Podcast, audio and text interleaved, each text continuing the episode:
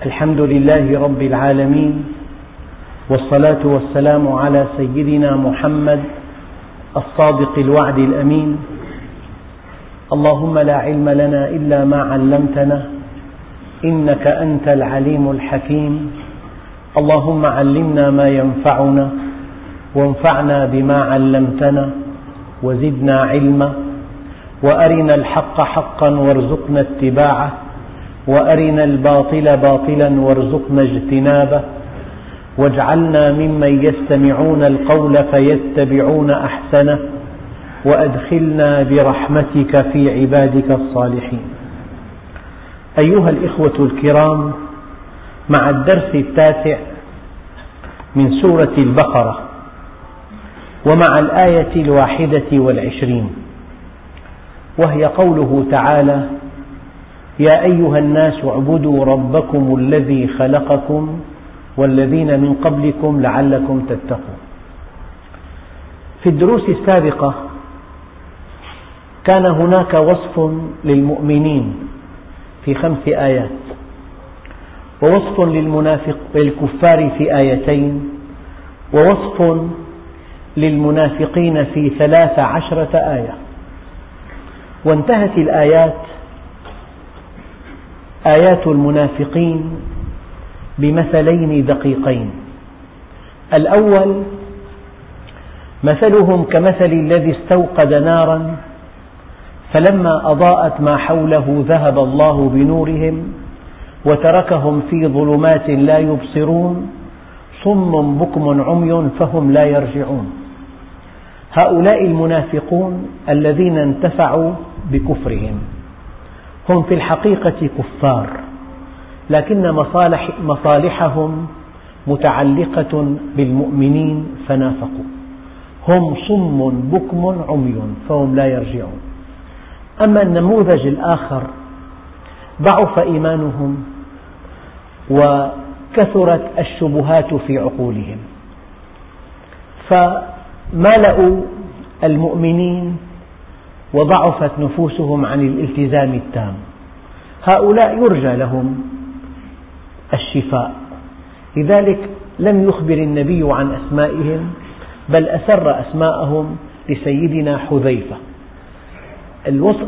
الزمرة الثانية أو كصيب من السماء فيه ظلمات ورعد وبرق يجعلون أصابعهم في آذانهم من الصواعق حذر الموت والله محيط بالكافرين. هؤلاء يتعلقون بالمغانم ويبتعدون عن المغارم. هؤلاء يحبون ثمار الإيمان ولا يدفعون ثمن هذه الثمار. كلما أضاء لهم مشوا فيه وإذا أظلم عليهم قاموا. يكاد البرق يخطف أبصارهم كلما أضاء لهم مشوا فيه وإذا أظلم عليهم قاموا ولو شاء الله لذهب بسمعهم وأبصارهم إن الله على كل شيء قدير. انتهى وصف المؤمنين والكفار والمنافقين. والحقيقة هناك رجلان مؤمن وكافر. أما الثالث أظهر الإيمان وأبطن الكفر. الأول واضح والثاني واضح. الأول جريء قبل الحق وقبض ثمنه. والثاني رد الحق ودفع الثمن باهظا. أما الثالث جبان لم يجرؤ على أن يلتزم ولم يجرؤ على أن يكفر. فهو بين بين مصدر الخطر من الثالث. إن الأول ينفعك والثاني تحذره أما الثالث يغشك. لذلك يخشى على الدين لا من أعدائه بل من أدعيائه من المنافقين. والمنافق هنا من كان عليم اللسان جاهل القلب. من كان عمله غير قوله. من أظهر ما لا يبطن ومن أبطل ما, أبطن ما لا يظهر. أيها الإخوة ننتقل الآن إلى فقرة من الآيات جديدة. يا أيها الناس اعبدوا ربكم. من سنة الله جل جلاله أنه يخاطب عامة الناس بأصول الدين بينما يخاطب المؤمنين بفروع الدين. يعني يا أيها الناس هذا توجه عام لكل البشر. اعبدوا ربكم. أما يا أيها الذين آمنوا كتب عليكم الصيام كما كتب على الذين من قبلكم لعلكم تتقون. يا أيها الذين آمنوا قوا أنفسكم وأهليكم نارا. يا أيها الذين آمنوا افعلوا كذا ولا تفعلوا كذا. يعني يا من آمنتم بي يا من عرفتموني يا من عرفتم رحمتي يا من عرفتم سر وجودكم يا من خلقتم لسعادة أبدية. افعلوا هذا ولا تفعلوا هذا. هناك عقد إيماني مع الله. المؤمن كأنه على عقد إيماني مع الله. من لوازم هذا العقد أن يطبق كل ما جاءه عن الله. إن الله اشترى من المؤمنين أنفسهم وأموالهم بأن لهم الجنة. باع نفسه والثمن هو الجنة. يقاتلون في سبيل الله فيقتلون ويقتلون. وعدا عليه حقا في التوراة والإنجيل والقرآن. ومن أوفى بعهده من الله. فاستبشروا ببيعكم الذي بايعتم به وذلك هو الفوز العظيم. فالله عز وجل يخاطب عامة الناس بأصول الدين ويخاطب خاصتهم يخاطب المؤمنين بفروع الدين.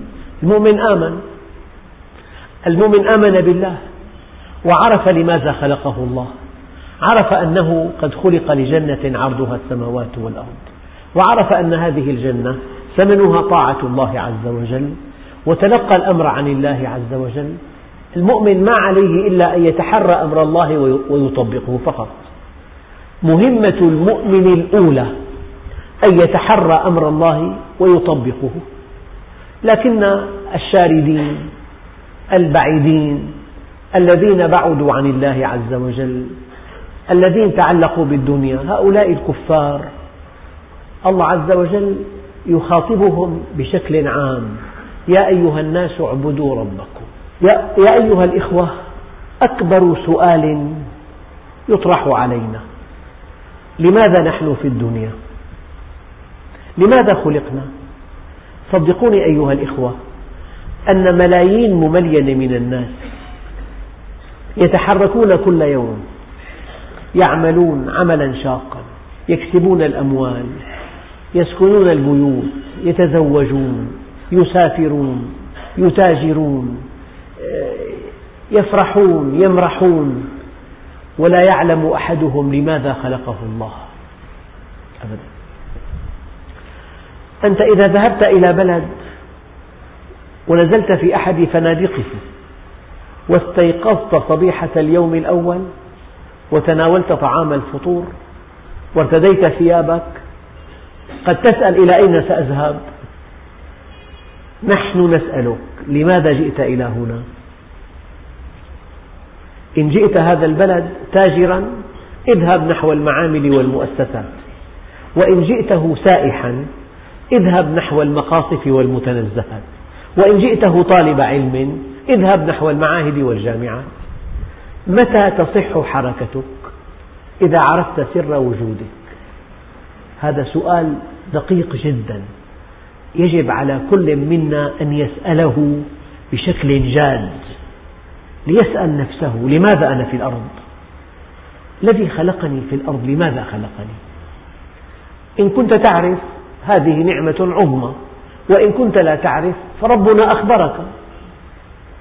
أخبرك فقال وما خلقت الجن والإنس إلا ليعبدون.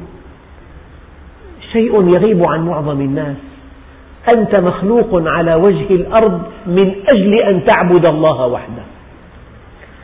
أحيانا نرسل طالب إلى بلد أجنبي. هناك آلاف الأبنية آلاف الأماكن دور له دور سينما ملاعب مسارح متاحف مقاصف جميلة مكتبات صناعة تجارة. هذا الطالب الذي ذهب إلى هذا البلد له هدف واحد أن يأتي بدكتوراه. هدف واحد إذا كان هذا الهدف ماثلا في ذهنه واضحا في فكره يحقق هذا الهدف. أما إذا ذهب إلى بلد أجنبي ودهش يوم في مسرح ويوم في سينما ويوم في ملهى ويوم في متحف ويوم يقرأ قصة ويوم في متنزه مضى العام الدراسي ولم ينتسب للجامعة. هذا يحقق إخفاق كبير جدا لأنه ما عرف سر وجوده هناك. لو عرف سر وجوده لما فعل هذا. يا أيها الإخوة الأكارم كلام دقيق. أكبر سؤال يجب أن تسأل نفسك أن تسأله نفسك لماذا أنا هنا؟ لماذا أنا هنا على وجه الأرض؟ متى تعرف الحقيقة؟ ناصعة حينما يأتي ملك الموت رب ارجعوني لعلي أعمل صالحا شوف إذا أعظم شيء في هذه الدنيا أن تعمل صالحا لأن عملك الصالح طريقك إلى الجنة العمل الصالح ثمن الجنة أنت في الأصل مخلوق للجنة. أنت في الأصل مخلوق لجنة إلى أبد الآبدين. فيها ما لا عين رأت ولا أذن سمعت ولا خطر على قلب بشر. حينما خلقت يوم خلقت خلقت للجنة. إلا من رحم ربك ولذلك خلقهم. خلقك ليرحمك. خلقك ليسعدك. ولكن هذه السعادة الأبدية المتنامية لا بد لها من ثمن. والدليل اجلس مع إنسان حصل على دكتوراه فخرية زار بلد أقيم احتفال منح هذه الدكتوراه الفخرية واجلس مع إنسان حصل على دكتوراه حقيقية درس 33 سنة وألف أطروحة ونجح نجاحا باهرا. فرق كبير بين من بذل هذا الجهد ونال هذه المرتبة وبين, وبين من أخذها بلا سبب وبلا جهد.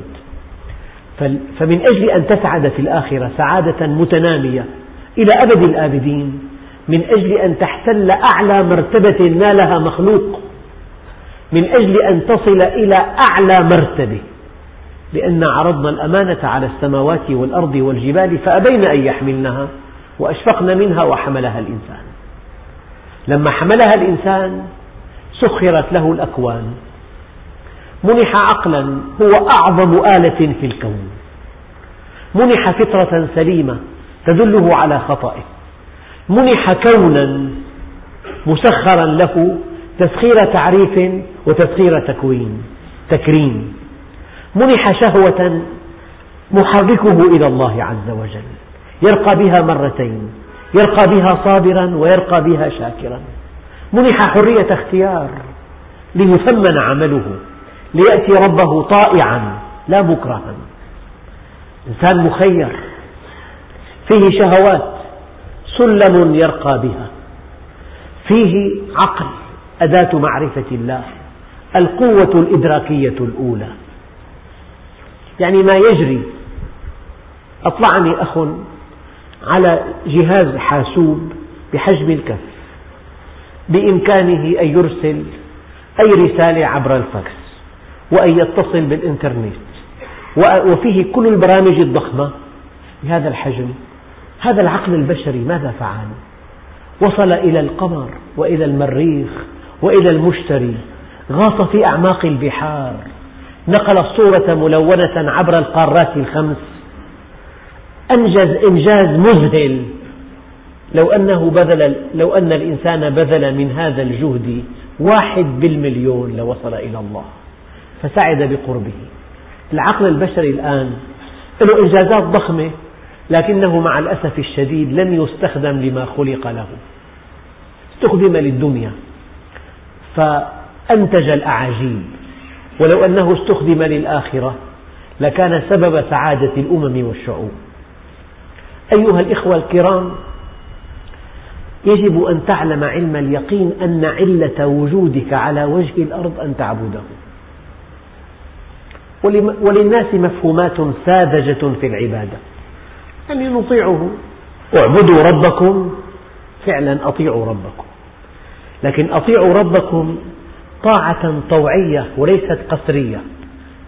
حينما تطيع الله مقهورا هذه ليست عبادة. أنت تطيع أي إنسان قوي. هل تعد عابدا له؟ قد تكرهه. لكن العبادة التي أرادها الله هي الطاعة الطوعية. الطوعية الممزوجة بالمحبة القلبية. المبنية على معرفة يقينية التي تفضي بك إلى سعادة أبدية. هذه هي العبادة. طاعة طوعية مبنية على معرفة يقينية تفضي إلى سعادة أبدية. هذا المفهوم يدلنا على أن في الإسلام كلية علمية وكلية سلوكية وكلية جمالية. في الكلية العلمية لا بد من أن تطلب العلم. ما اتخذ الله وليا جاهلا لو اتخذه لعلمه. أدنى مراتب الإيمان معرفة. أدنى مراتب الإيمان علم. فاعلم أنه لا إله إلا الله. هل يستوي الذين يعلمون والذين لا يعلمون؟ يرفع الله الذين آمنوا منكم والذين أوتوا العلم درجات. الله جل جلاله اعتمد قيمة العلم. فالعلم قيمة مرجحة بين الخلق. لذلك الناس رجلان عالم ومتعلم ولا خير في من سواهما. رجلان. وليس أجر العالم بأكثر من أجر المتعلم. تواضعوا لمن تعلمون وتواضعوا لمن تتعلمون منه. مشاركة. الحقيقة التعليم تعاون. تبادل خبرات. وتعاونوا على البر والتقوى ولا تعاونوا على الإثم والعدوان. فالعبادة معرفة. أول مرحلة في عبادة الله أن تعرفه. وإلا تعبد من؟ تخاف ممن تحب من؟ ترجو رحمة من؟ تخشى عذاب من؟ أصل الدين أن تعرف الله. إذا عرفت الآمر ثم عرفت الأمر تساليت في تطبيق الأمر. أما إذا عرفت الآمر ولم عرفت الأمر ولم تعرف الآمر تفننت في التفلت من أمره وهذا ما يفعله معظم الناس. يبحث عن فتوى. مهما تكون ضعيفة يقبلها ويعتمد عليها ويقول إن شاء الله بذمة من أفتى بذلك. ولو أنك استخلصت فتوى من فم رسول الله سيد الخلق وحبيب الحق ولم تكن محقا لا تنجو من عذاب الله. فهذا الذي يتعلق بفتوى من بني البشر هناك خلل في عقله. الله جل جلاله هو الذي سيحاسب. والإنسان على نفسه بصيرة ولو ألقى معاذيره. فالعبادة طلب علم. المشكلة أيها الإخوة أن معظم الناس يطلبون العلم الشرعي إذا كان عندهم وقت فراغ. الأصل كسبهم للمال. الأصل مصالحهم. الأصل أهواؤهم. يعني في درس ممتع جدا قصير في جلسة مريحة يأتي. يأتي ليزيد من متعه الدنيا. الأمر غير ذلك. طلب العلم حتم واجب على كل مسلم. طلب العلم فريضة على كل مسلم. كيف أن الهواء فرض لبقائنا؟ من دون هواء نموت فورا. الهواء فرض يعني أساسي في بقائنا. شرب الماء أساسي في بقائنا. تناول الطعام والشراب أساسي في بقائنا. الزواج أساسي في بقاء النوع. كذلك العلم أساسي في سلامتك وسعادتك. فإذا قلت لك اعبد الله يعني اطلب العلم. من أجل أن تعرف من ينبغي أن تعبد. لأن الناس يعبدون بعضهم بعضا. لأن معظم الناس اتخذ إلهه هواه. إله جلس عالم في أمريكا في حديقة إلى جانب إنسان أمريكي. فتعرف عليه عرف أنه من بلاد الشرق الأوسط وأنه مسلم. فقال له هل تحدثني عن دينك؟ فهذا العالم بارع في في الحديث يتقن اللغة الأجنبية حدثه عن الإسلام وعن عقيدة المسلمين. وعن أخلاق المسلمين وعن عبادات المسلمين وعما ينتظر المسلم من عطاء أبدي.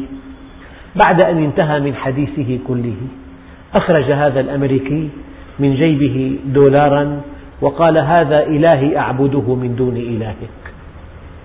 هم هكذا يعبدون الدرهم والدينار. بل إنهم وهذا شيء غريب اقتبسوا من الإسلام حقائق تنفعهم في حياتهم الدنيا. تنفعهم في حياتهم الدنيا. فإذا ذهبت إلى بلد غربي ترى أن إيجابيات هذا البلد إسلامية. بس لا حبا بالله ولا طاعة له ولكن حبا بالدرهم والدينار. أيها الإخوة يا أيها الناس اعبدوا ربكم اطلبوا العلم. من أجل أن تعرف من ينبغي أن تعبد. لماذا تعبد الله؟ لماذا ترجوه وحده؟ لماذا تخافه وحده؟ لماذا تعلق الأمل على رضاه وحده؟ لماذا تفني شبابك في سبيله؟ لماذا تنفق مالك من أجله؟ لماذا تعادي من تعادي في سبيل الله؟ وتصالح من تصالح في سبيل الله؟ ينبغي أن تعرف من هو الله. لذلك جزء من معرفة الله أن تعرف أسماءه الحسنى. كيف أن الله رحيم؟ كيف أنه حكيم عليم قدير سميع مجيب رؤوف لطيف قوي جبار مهيمن منتقم آه، رافع خافض معز مذل ضار نافع. جزء أساسي من إيمانك أن تعرف الله من خلال أسمائه الحسنى. هذا معنى قول الله عز وجل يا أيها الناس اعبدوا ربكم. يتوهم الناس أنه كلمة. اعبد أخي اعبد ربك. لا مو هيك. العبادة طاعة طوعية مع محبة قلبية أساسها معرفة يقينية. كم من الوقت بذلت لمعرفة الله؟ أسأل إنسان يحمل دكتوراه من أجل أن يضع على بطاقته دال قبل اسمه 33 سنة يدرس.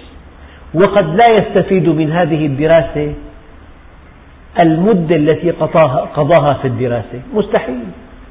مستحيل إنسان يستفيد من الدكتوراه بسنوات توازي سنوات الدراسة. أقل بكثير. سنوات معدودات بعدها. طيب من أجل أن تنال درجة في الدنيا تبذل هذه الدراسة الطويلة ومن أجل أن تعرف الله وأن تعرف هذا المصير الأبدي ألا تحتاج إلى طلب للعلم؟ هذا الذي يقول لك ليس عندي وقت فراغ لأحضر مجلس علم. هذا إنسان جاهل. كما لو, لو إنسان ذهب إلى بلد أجنبي لينال دكتوراه وقد وعد بأعلى منصب في بلده حينما يعود. مثلا مثل افتراضي. ووعد بأفخر بيت حينما يعود وبأجمل زوجة حينما يعود ويأتي وقت الدوام في الجامعة وليس له عمل إطلاقا في هذا البلد إلا نيل هذه الشهادة. يقول والله ما, لي ما عندي فراغ أحضر المحاضرات لكان عندك فراغ لماذا؟ إذا الهدف الأول من هذا السفر الطويل وهذه المشقة أن تنال هذه الشهادة من هذه الجامعة. وحينما حان وقت الدوام تقول ليس عندي وقت. لا هدف يعلو على طلب العلم ولا ولا شغل يفوق أن تشتغل بمعرفة الله عز وجل. يا أيها الناس اعبدوا ربكم يعني اعرفوه. تفكر في خلق السماوات والأرض. هل تصدق أن في أنفك عشرين مليون نهاية عصبية؟ في كل نهاية عصبية سبع أهداب. كل هدب محاط بمادة مخاطية تتفاعل مع الرائحة. ينتج عن هذا التفاعل شكل هندسي. كرة موشور أسطوانة مفتاح. هذا الشكل الهندسي ينقل إلى الدماغ إلى الذاكرة الشمية. الذاكرة الشمية ملف فيها عشرة آلاف بند. هذا الشكل الهندسي الذي هو محصلة تفاعل الرائحة مع الأهداب يعرض على عشرة آلاف بند. توافق مع البند 511 ياسمين في لمح البصر. ذلكم الله رب العالمين. بجسمك في آيات والله لا تكفي سنوات وسنوات لشرحها بجسمك الذي هو أقرب شيء إليك. الذي هو أقرب آية دالة على عظمة الله عز وجل. شعرك ثلاثمائة ألف شعرة. لكل شعرة عضلة وعصب محرك وغدة دهنية وغدة صبغية ووريد وشريان. كل شعرة. عينك 130 مليون عصية ومخروط في شبكية العين. عصب العين 900 ألف عصب. المعدة 35 مليون عصارة هاضمة تفرزها. الكلية مليون نفرون يسير الدم في الكليتين في اليوم الواحد مقداره مئة كيلومتر ليتصفى. قلبك يضخ في اليوم الواحد ثمانية أمتار مكعبة. قد تستهلك في العام كله متر مكعب من الوقود السائل. وقلبك في اليوم الواحد يضخ ثمانية أمتار مكعبة ويضخ في عمر متوسط ما يملأ أكبر ناطحة سحاب في العالم القلب. ينبض ليلا نهارا وأنت نائم لا يمل ولا يكل. يا أيها الإخوة الكرام حينما يقول الله عز وجل يا أيها الذين آمنوا اعبدوا ربكم يعني اعرفوه أولا. ولا شيء يعلو على معرفة الله. والله أيها الإخوة لو عرفنا ما نحن قادمون عليه في الدار الآخرة لشغلنا عن كل شيء بمعرفة الله. لشغلنا عن كل شيء ولأمضينا الوقت كله في معرفته وطاعته. لأن هذه السنوات المعدودة التي نمضيها ستحدد مصيرنا الأبدي. أنت لاحظ الطلاب مثلا ينجح من السابع للثامن كله ناجح. أول أخير من السابع للثامن ثامن تاسع تاسع عاشر. التاسع في مصير. يا عام يا مهني.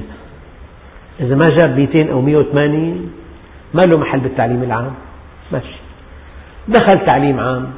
عاشر حادي عشر ثاني عشر. الآن علاماته ستحدد مهنته جاب علامات طب صار طبيب. جاب علامات مهندس. جاب علامات صيدلي. أتى بعلامات شريعة. أتى بعلامات حقوق. أتى بعلامات مثلا علوم رياضيات. مثل للتقريب. يعني علاماته في هذه الشهادة مصيرية. ستحدد مصيره في الحياة. تحدد حرفته مكانته الاجتماعية.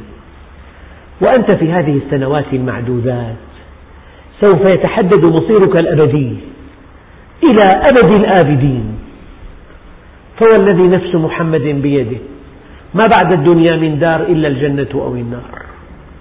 إما جنة يدوم نعيمها أو نار لا ينفد عذابها. فحينما يقول الله عز وجل يا أيها الذين آمنوا اعبدوا ربكم تعرفوا إليه تعرف إليه من خلقه في القرآن الكريم ألف وثلاثمائة واثنتان وعشرون آية كونية ما الهدف منها؟ لماذا جعل الله سدس القرآن آيات كونية؟ للتسلية؟ للقراءة؟ أم كي نتعرف إلى الله من خلالها؟ جعل الله هذه الآيات منهجا للتفكر لما قال الله عز وجل وما أنتم له بخازنين. لو أن الله كلفنا أن نخزن المياه التي نستعملها طوال العام. كل منا يحتاج إلى مستودع يساوي حجم بيته تماما. 150 متر بثلاث أمتار. 450 متر مكعب تحتاجه الأسرة في السنة كلها. نريد ضعف أبنية العالم. قال الله عز وجل وما أنتم له بخازنين. تلاقي نهر أمازون كثافته بالثانية الواحدة 300 ألف متر مكعب. 300 ألف متر مكعب. هذه دمشق الشام. فيها خمسة مليون خمس ملايين ونصف. وفي قول ستة ونصف في النهار. تشرب كلها من نبع الفيجة. كثافته في الثانية ستة عشر متر مكعب في الثانية. طيب ما أنتم له بخازنين مخزن في هذا الجوف الجيولوجي الذي يمتد إلى حمص ونصف لبنان فوق هذا الجيب الجيولوجي؟ وقريب من تدمر يمتد هذا الجيب الحقل أو المستودع الجيولوجي لهذا النبع. قال تعالى وما أنتم له بخازنين. ولما الإنسان يشرب ماء ماء القوارير يتفاجأ في 13 معدن منغنيز وصوديوم ماء معدني هل فكرت في هذا الماء؟ هل فكرت في هذا الهواء المتوازن؟ نحن نستهلك الأكسجين دائما من قال أو من جعل النبات يستهلك عكسنا يستهلك النبات غاز الفحم ويعطي الأكسجين. هذا التوازن الرائع دائما نسب هذا الأكسجين ثابتة في الهواء الخارجي. من فعل هذا؟ ألف آية وآية. أينما تحركت أينما نظرت في طعامك في شرابك في ابنك في النبات في الطير في السمك في الجبل في السهل في البحر في كل شيء له آية تدل على أنه واحد. اعبدوا ربكم يعني تعرفوا إليه من أجل أن تطيعوه. لأن العبادة طاعة طوعية تسبقها معرفة يقينية. تفضي إلى سعادة أبدية. يا أيها الإخوة الكرام طلب العلم فرض على كل مسلم. إذا أردت الدنيا فعليك بالعلم. وإذا أردت الآخرة فعليك بالعلم وإذا أردتهما معا فعليك بالعلم والعلم لا يعطيك بعضه إلا إذا أعطيته كلك فإذا أعطيته بعضك لم يعطك شيئا ويظل المرء عالما ما طلب العلم فإذا ظن أنه قد علم فقد جهل. العلم ثم العلم ثم العلم ولعالم واحد أشد على الشيطان من ألف عابد. كن عالما أو متعلما أو مستمعا أو محبا ولا تكن الخامسة فتهلك. هذه الكلية الأولى. لا بد لك لا بد من أن تزداد كل يوم علما بالله عز وجل. ورد في بعض الأدعية ألا بورك لي في طلوع شمس يوم لم أزدد فيه من الله علما. ولا بورك لي في طلوع شمس يوم لم أزدد فيه من الله قربا. والمساجد مفتحة على أبوابها مفتحة على مصاريعها من أجل طلب العلم. لا بد لك من درس أسبوعي. لا بد لك من أن تفهم كلام الله. لا بد لك من أن تعرف سنة رسول الله. لا بد لك من أن تعرف سيرة رسول الله. لا بد لك من أن تعرف أحكام الفقه. لا بد لك من أن تعرف أسلوب الرقي الروحي. هذا كله في المسجد تأخذه. لذلك اعبدوا ربكم أي اعرفوا ربكم. لأن العبادة طاعة طوعية ممزوجة بمحبة قلبية أساسها معرفة يقينية تفضي إلى سعادة أبدية. الآن السلوك. البند الثاني في العبادة السلوك.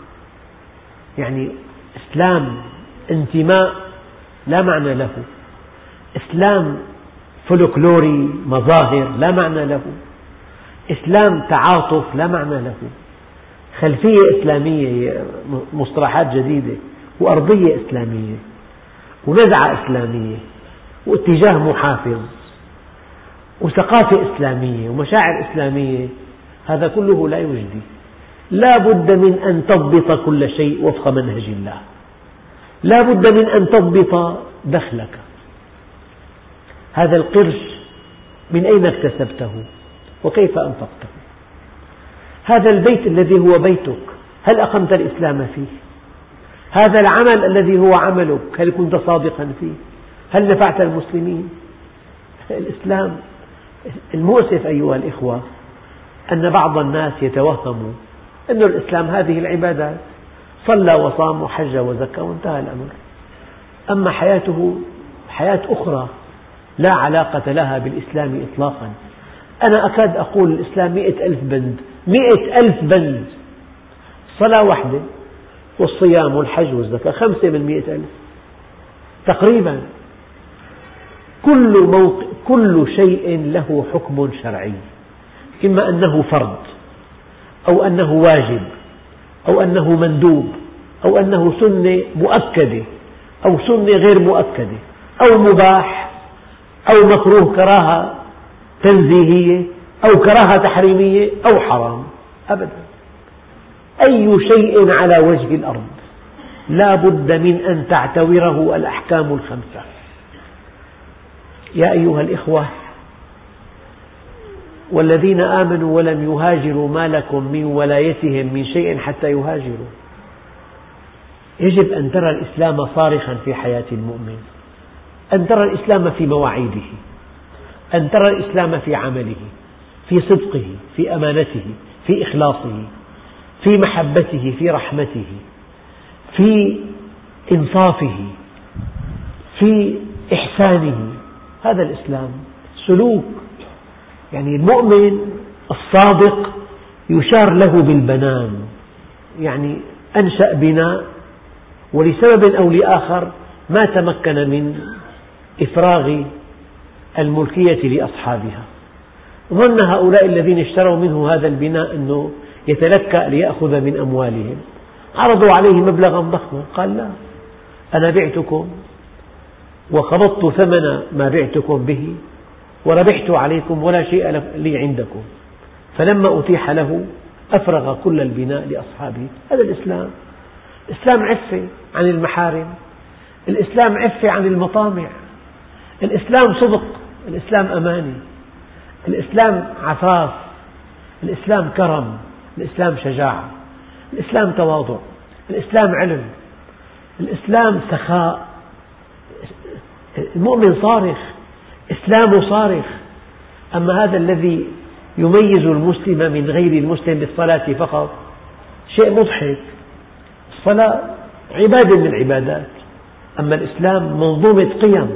إذا البند الثاني في العبادة الانضباط السلوكي. ضبط الجوارح ضبط اللسان ضبط العين ضبط الأذن ضبط اليد ضبط الرجل. ضبط الكسب ضبط الإنفاق ضبط البنات ضبط الشباب ضبط الزوجة. الإسلام منظومة قيم. هذا الذي يتوهم الإسلام صلاة وصياما. شيء مضحك. يا أيها الناس اعبدوا ربكم. اعرفوه أولا. وأطيعوه ثانيا. واتصلوا به ثالثا. هذا الجانب الجمالي في العبادة. يعني أرجو الله سبحانه وتعالى أن أن أوضح لكم هذه الحقيقة. إن لم تقل أنا أسعد الناس فلست مؤمنا. موصول بالله أنت تشقى. لك اتصال بخالق الكون لك اتصال بأصل الجمال لك اتصال بأصل الكمال لك اتصال بأصل النوال. بالأصول الذي يعطي وحده هو الله والجليل وحده هو الله والكامل وحده هو الله. أن تتصل بالله وتقول أنا غير سعيد. مشكلة هذه أيها الإخوة الكرام وإلى مدين أخاهم شعيبا دققوا قال يا قوم اعبدوا الله وارجوا اليوم الآخر. عبادة الله من أجل اليوم الآخر. من أجل أن نصل إلى دار السلام بسلام. من أجل الجنة. من أجل السعادة الأبدية. لا ترى العبادة عبء عليك. ثمن قليل لخير كثير. اعبدوا الله وارجوا اليوم الآخر. ولا تعثوا في الأرض مفسدين. لقد أرسلنا نوحا إلى قومه فقال يا قوم اعبدوا الله ما لكم من إله غيره. يعني ما في خيار ما في إله ثاني. ما عم يخيرك الله عز وجل أنه أعبدني أو اعبد فلان. ما لكم من إله غيره. لا إله إلا الله. فإن لم تعبده أنت مع من؟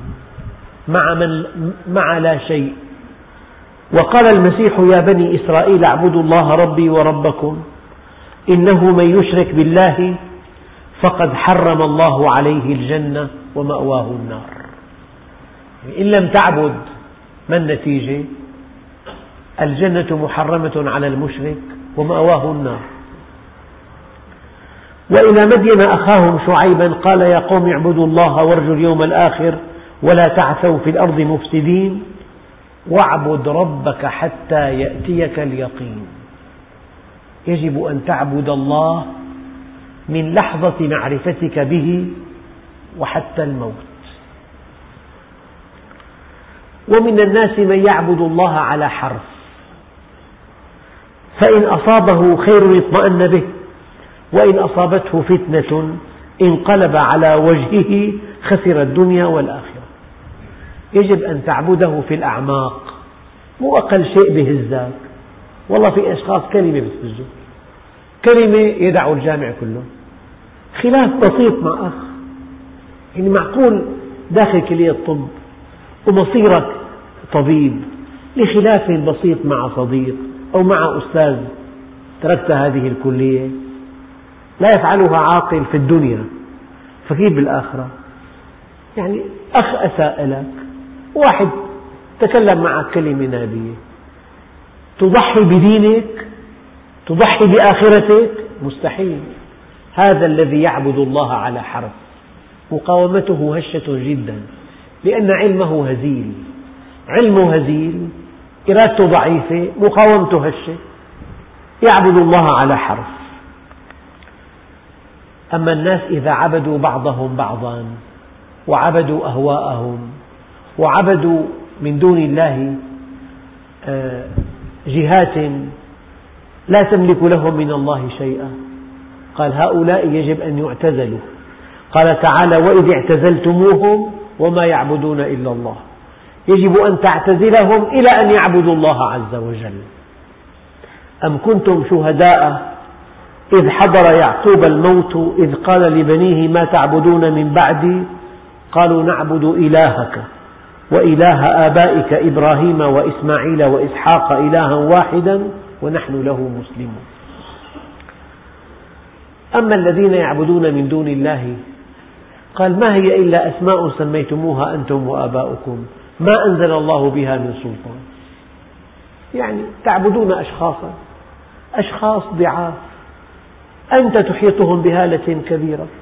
يعني من قال أن بوذا إله؟ من قال؟ له تمثال كبير توضع الفواكه, الفواكه طوال الليل قال يأكلها في الليل يأكلها السدنة.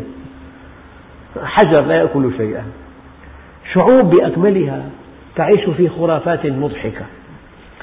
ما تعبدون من دونه إلا أسماء سميتموها أنتم وآباؤكم ما أنزل الله بها من سلطان. إن الذين تعبدون من دون الله لا يملكون لكم رزقا. فابتغوا عند الله الرزق. قال يا أبت لم تعبد ما لا يسمع ولا يبصر ولا يغني عنك شيئا؟ يا أبت لا تعبد الشيطان. إن الشيطان كان للرحمن عصيا. يا أيها الإخوة الكرام قضية العبادة قضية خطيرة جدا. هي هويتك هي سر وجودك. هي هدفك من هذه الحياة.